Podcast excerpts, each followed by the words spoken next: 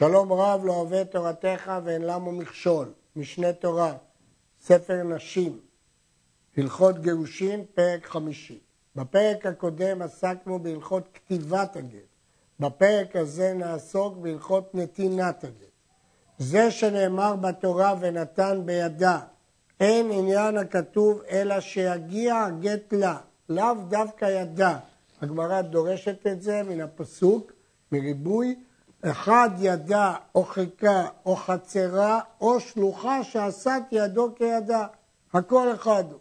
בין אם זה בידה, בחיקה, בחצרה, זה גם מדין יד, או שלוחה שידו כידה על ידי המינוי שלה, הכל אחד. הגמרא לומדת מפסוק ושילחה מלמד שהאישה עושה שליח. ואחד חצרה הקנויה לה, או חצרה המוזכרת לה, או השאולה לה, הכל רשותה היא. ומשיגיע הגט לרשותה, נתגרשה. למרות שזה רק מוזכר ומושאל, זה נקרא רשותה, והיא מגורשת. הגמרא שואלת, הרי מה שקנתה אישה, קנה בעלה. אם כן, כשיגיע הגט לחצרה, מיד הבעל קונה אותו, ולא הגיע לידה. הגמרא משיבה למסקנה, תשובתו של רבא, גיתה וחצרה באים כאחד. כיוון שאילו הגט יגיע לחצר, אז באמת החצר תהיה שלה ולבעל אין כבר זכויות, אז הגט בבת אחת מקנה את החצר ונופל לחצר שלה, ולכן היא יכולה להיות מגורשת. אז הרי גט לאשתו לתוך חצרה, אם הייתה עומדת שם בצד חצרה, נתגרשה, ואם לאו, לא נתגרשה, עד שתעמוד בצד חצרה. ואף על פי שהיא חצר שהשתמר הגט בתוכה, שחובה היא לה הגירושין, ואין חבין לאדם אלא בפניו. שיטת הרמב"ם, שגם בחצר המשתמרת צריך שהיא תעמוד בצד חצרה. מדוע? כי זה נלמד מיד, וכמו שיד סמוך לאדם, כך היא צריכה לעמוד לא רק מדין שמירה, אלא כיוון שחובו לה. היא צריכה לעמוד בצד חצרה, ולא אומרים שחצרה זוכה לה, כי זה לא זכות. אמנם הרשב"א מביא שיש דעות שאם זו אישה יבמה שבאה להיפטר מיוון, יכול להיות שנתינת הגט היא זכות, ואז אפילו שהיא לא עומדת בצד חצרה. הייתה עומדת בראש הגג שלה, הוא מלמטה, בחצרו, וזרקו לה למעלה, כיוון שהגיע להעביר מחיצות המעקה, או לפחות משלושה סמוך לגג, נתגרשה, ובלבד שינוח. אם הוא הגיע להעביר מחיצות המעקה, או לשלושה סמוך לרצפה, כבר היא מגורשת, בתנאי שבסוף הוא ינוח. אבל כשהוא ינוח, היא תהיה מגורשת משעה שנכנס לאוויר החצר. אבל אם נמחק או נשרף קודם שיגיע אליו, אף על פי שנמחק אחר שהגיע לאוויר מחיצות, או אחר שהגיע לפחות משלושה סמוך לגג, כגון שנשבה הרוח והעלתו ונמחק או נשרף, הואיל ואינו הולך לנוח, אינו גט ולא נתגרשה. כיוון שבסופו של דבר הוא לא ינוח, אוויר שאין סופו לנוח לאו כמונח דמי, ולכן זה לא כמונח. אבל אם בסופו של דבר ינוח, היא תהיה מגורשת מהשעה הראשונה. נמשיך. בהלכה ד' היה הגג שלו, והוא מלמעלה בו והיא מלמטה בחצר שלה. עכשיו מקרה הפוך, הוא למעלה והיא למטה בחצר, וזרק לגיטה. כיוון שיצא הגט ממחיצות הגג והגיע למחיצות מקומה שהיא עומדת בו, נתגרשה. כאן, כיוון שהוא הגיע למחיצות, לתוך המחיצות שלה, כבר היא מגורשת. מה הסיבה? שבהלכה ד' אנחנו אומרים שכבר כשנכנס לחצר היא מגורשת. ואילו ברישא הוא כתב רק אם בסוף סופו לנוח. הגמרא מחלקת בין דרך ירידה לדרך עלייה. ברישא של המשנה, שהוא מלמטה והיא מלמעלה והבעל צריך להעלות את זה נגד הכוח הטבעי, נגד התנועה הטבעית, זה נקרא דרך עלייה לפי המגיד משנה, כל שלא נח, אז לבסוף אינה מתגורשת. כי מלכתחילה זה לא היה עתיד לנוח. אבל בספר שהוא למעלה והיא למטה זה התנועה הטבעית שעתידה לנוח. אז כאן היא מיד מגורשת כשנכנס לאוויר המחיצות שלה. כך הסביר המגיד משנה, וישנם גם הסברים אחרים, בר"ן ובכסף משנה. ה' hey, זרקו לרשותה לתוך האש ונשרף, או לתוך המים ואבד, אינו גט. אבל אם הגיע לרשותה ואחר כך באה אש ושרפתו, הרי זה גט. אם הגט כבר נח ברשותה ואחר כך האש, ודאי שהיא כבר התגרשה. אבל אם מראש הוא נפל לתוך האש או לתוך המים, הוא לא נח, אז הבין שסופו לנוח, לאו כמונח דמי. זרקו על גבי קנה או רומח הנעוצים ברשותה, אינו גט, עד שינוח במקום המשתמר, זה לא מקום המשתמר, הוא ייפול הגט. שתי חצרות זו לפנים מזו, הפנימית שלה והחיצונה שלו, וכותלי החיצונה גבוהות על הפנימית. כיוון שזרק הגט לתוך אוויר החיצונה, נתגרשה, שהפנימית בכותלי החיצונה משתמרת. כיוון שיש כותלי חיצונה שהן גבוהות מהפנימית, וזה הגיע מעל הפנימית, נשים לב, מעל שטח הפנימית, אבל מי מגן עליו? הכתלים של החיצונה. אז הוא נמצא באוויר הפנימית ומגנים עליו הכתלים של החיצונה. זה גט, כי הכתלים של החיצונה שומרים שהוא יישאר בשטח של הפנימית והרוח לא תעיף אותם משם. מה שאין כן בקופות, אבל בקופסאות אין הדין כך. כיצד? שתי קופות זו לפנים מזו, הפנימית שלה והחיצונה שלו, וזרק לגיטה בתוכן, אפילו הגיע לאוויר הפנימית, אינה מגורשת, עד שינוח על צד הקופה הפנימית. אם הוא הגיע לאוויר הפנימית, איננה מגורשת. למה? נלמד בהמשך. במה דברים אמורים כשהייתה מוטה על צידה ואין לה שוליים? אבל אם יש לה שוליים, אפילו נח בקרקע איתה אינה מגורשת. שכלי האישה ברשות הבעל אינו קונה לה הגט, אלא אם כן אינו מקפיד על מקומו. הרי הקופה החיצונית שייכת לבעל, והקופה הפנימית יושבת בתוך החיצונית. אז אם יש לה שוליים ויושבת בתוך החיצונית, זה בעצם כלי של האישה שהוא ברשות הבעל. אז זה לא קנוי לה, אז הגט בכלל לא הגיע לרשותה. אבל אם אין לה שוליים, כגון שהיא, יש לה שתי דפנות משופעות כמו ספינה, או שהיא מוטה על צידה, ואז הגט לא נשען בכלל על התחתית, על הקופה החיצונה, אלא רק על הקופה הפנימית ששייכת לאישה, האישה מגורשת. ח' זרק לגיטה והיא בתוך ביתו, בתוך חצרו, אינה מגורשת, עד שהגיע הגט לידה או לחיקה, או לכלי מן הכלים שלה שאין הבעל מקפיד על מקומו. הרי זה צריך להגיע אליה, והיא נמצאת בחצר שלו, אז אם זה על גופה, בידה או בחלקה, היא מגורשת. או בכלי קטן שהבעל לא מקפיד, כגון צלוחית או כפיפה קטנה וכיוצא בהם, שהם לא תופסים כל כך מקום. וכן אם הגיעה למיטה שלה שהיא יושבת עליה, והייתה גבוהה עשרה טפחים, הרי זו מגורשת, שהרי חלקה רשות לעצמה, ואין הבעל מקפיד על מקום קרי המיטה. הקרעים של המיטה תופסים מקום קטן, הבעל לא מקפיד עליהם. וגם צריך שהמיטה תהיה גבוהה עשרה. מדוע? רש"י מסביר, כי אז הבעל יכול להשתמש בשטח שתחת המיטה, והמיטה לא מפריעה לו, כי במקום הרגליים הוא לא מקפיד. והמיטה לא מפריעה כי היא גבוהה והוא יכול להשתמש בשטח שתחתיה. הרמב"ם לא פירש כך. הרמב"ם פירש שצריך שתהיה גבוהה עשרה כדי שתהיה רשות בפני עצמה ולא ברשות הבעל. השאילה הבעל מקום בחצרו ולא ייחדו. הוא לא קבע איזה מקום הוא משאיל אבל ברור שהוא השאיל רק מקום אחד.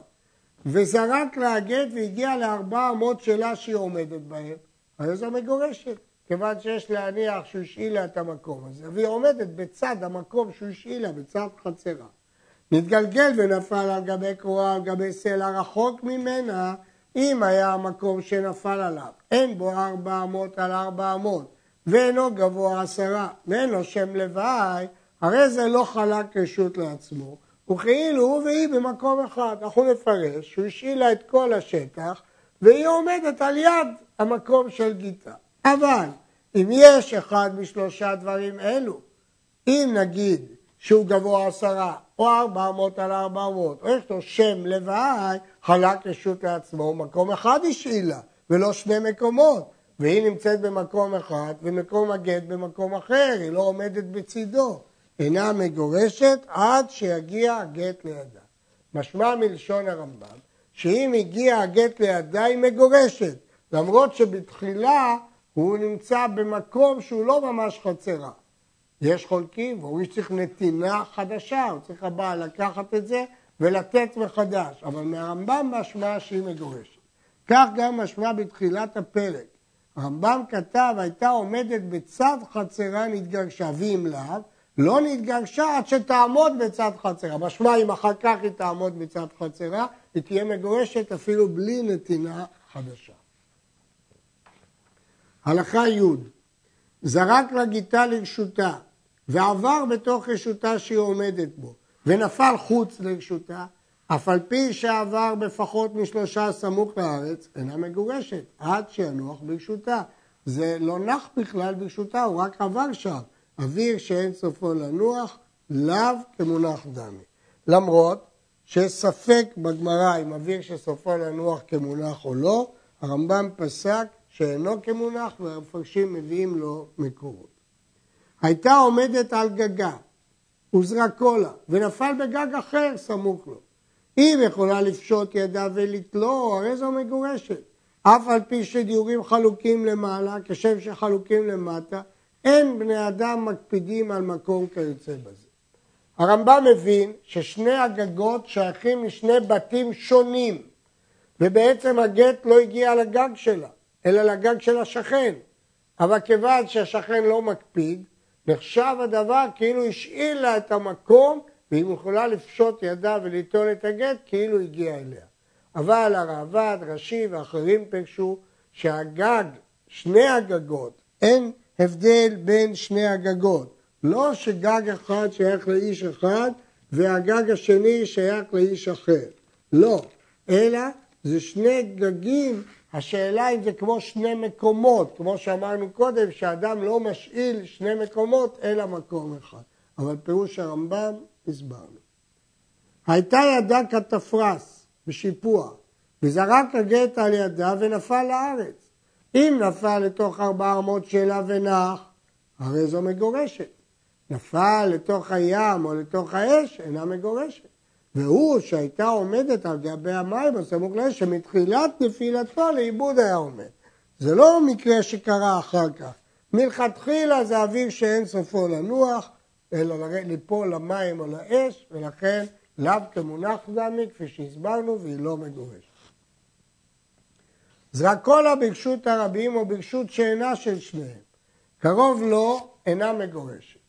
היה הגט מרצה למרצה וממרצה למרצה עד קרוב לה, הרי זו ספק מגורשת. כן? אם קרוב לו, לא מגורשת בכלל.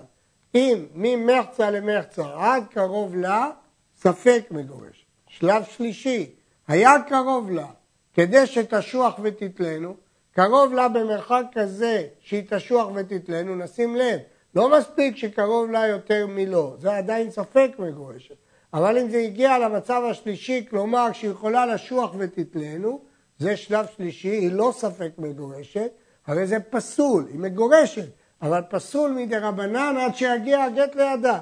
ואחר כך תנסה בו לכתחילה, לא צריך נתינה חדשה. היא צריכה לקחת אותו, ואז מותר לה להינשא. אבל לפני שהיא תיקח אותו, הוא פסול מדי רבנן. י"ד כיצד הוא קרוב לו? היה הוא יכול לשומרו והיא אינה יכולה לשומרו, זהו קרוב לו ואז היא לא מגורשת. שניהם יכולים לשומרו, או שניהם אינם יכולים לשומרו, זהו מחצה למחצה, שכפי שאמרנו זה ספק מגורשת. באו תחילה ועמד, ואחר כך עמדה היא כנגדו, וזרקו לה. אם היה הגט בתוך ארבע אמות שלו, אינה מגורשת, אף על פי שאם תשוח תתלנו, כי הוא בא לפניה, אז הארבע אמות שייכים לו, לא לה. חכמים יקנו לו ארבע אמות, אז זה לא שלה, לא הגיע אליה בכלל. עמדה היא תחילה, ואז היא זכתה בארבע אמות. ועמד כנגדה וזרקו לה, אף על פי שהוא מחצה למחצה, כלומר גם הוא יכול לשלוט בזה, הואיל והוא בתוך ארבע אמות שלה, והיא באה בתחילה, הרי זה פסול, כלומר היא מגורשת, אבל זה פסול מדי רבנן עד שיגיע הגט לידה. כשיגיע הגט לידה, מגורשת לכתחילה. אבל עד שיגיע לידה פסול. נשים לב שפה הרמב"ם הגדיר ארבע אמות, לא כדי שתשוח ותתלנו. יש אומרים שזה אותו מרחק, תשוח ותתלנו וארבע אמות זה אותו מרחק. ויש אומרים שבהלכה המיוחדת הזאת ששניהם עומדים, פה הסתפקו בארבע אמות ולא הצריכו כדי שתשוח ותתלנו. זה רק הגט לידיו היה קשור במשיכה, הוא קשור בחבל, וקצה המשיכה בידו. אם יכול לנתקו להביאו אצלו חבל חזק, הוא יכול למשוך את הגט אליו, אינה מגורשת עד שתיפסק המשיכה, כי הוא עדיין לא נתן, זה לא מנותק ממנו. ואם אינו יכול לנתקו, הרי זו מגורשת, כי זאת נתינה, אם החוט חלש, והוא לא יכול לנתקו, אז היא מגורשת. התוספות שואל, מה הדין? אם הוא יכל לנתקו, אבל היא קפצה את ידה ותפסה את הגט, ועכשיו הוא לא יכול לנתקו. אומר התוספות, ייתכן שהיא לא מגורשת. מדוע? כי היא נטלה, לא הוא עשה את הנתינה. ויש דיונים מה דעת הרמב"ם בזה, הרמב"ם לא הזכיר את המקרה הזה. ולכן בגלל שיטת התוספות, כשנותנים גט צריכה להיות ידה פתוחה, כדי שלא יהיה מצב שהיא זאת שעשתה את הנתינה על ידי שהיא קפצה את ידה. נתן הגט ביד עבדה, והוא נאור, והיא משמרתו, שומרת עליו. אם היה כפות, הרי זה גט, כאילו הגיע לחצרה, שהיא עומדת בצידה. בגלל שהוא כפות זה משתמר, וצריך שתעמוד על יד חצרה, היא עומדת. ואם אינו כפות, אינו גט. השמירה שלה לא נחשבת כשמירה, כיוון שהוא לא כפות, הוא יכול לברוח. נתנו ביד העבד, זה נקרא חצר מהלכת שהיא לא חצר. נתנו ביד העבד והוא ישן והיא משמרתו, הרי זה פסול. כיוון שהוא לא נאור, אבל מצד שני הוא לא כפות, אז אנחנו רואים פה שזה מצב ביניים, לפי הרמב"ם הוא פסול. כלומר, בשיטת הרמב"ם מועיל אחד משתיים. בכפות כשר לכתחילה. בישן, אומנם כשר מהתורה, אבל פסול מדי רבנן. אבל רוב הראשונים, והטור הבין כך גם ברמב"ם, דורשים שני תנאים, גם ישן וגם כפות. לא מסתפקים בכפות, אלא גם כפות וגם ישן. ברמב"ם משמע שכפות לבד מספיק, וישן פסול מדי רבנן. כתב גט ונתנו ביד עבדו, וכתב לה שטר מתנה עליו.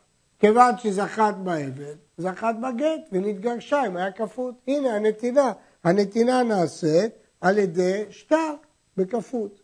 ואם אינו כפות ונאור, קנת העבד, ומתנה, ואינה מגורשת, עד שיגיע הגט לידה, כיוון שהוא נאור, זה חצר מהלכת. אז למרות שקנתה את העבד במתנה, אין לו דין חצר, הוא לא חצר המשתמרת, ולכן היא לא קונה.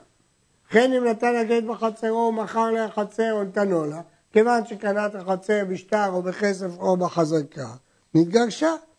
שוב נשאל הרי מה שקנתה אישה קנה בעלה, גיטה וחצרה באים כאחד. בבת אחת קורים שני הדברים. ויש הסברים שונים לכך. עד כאן.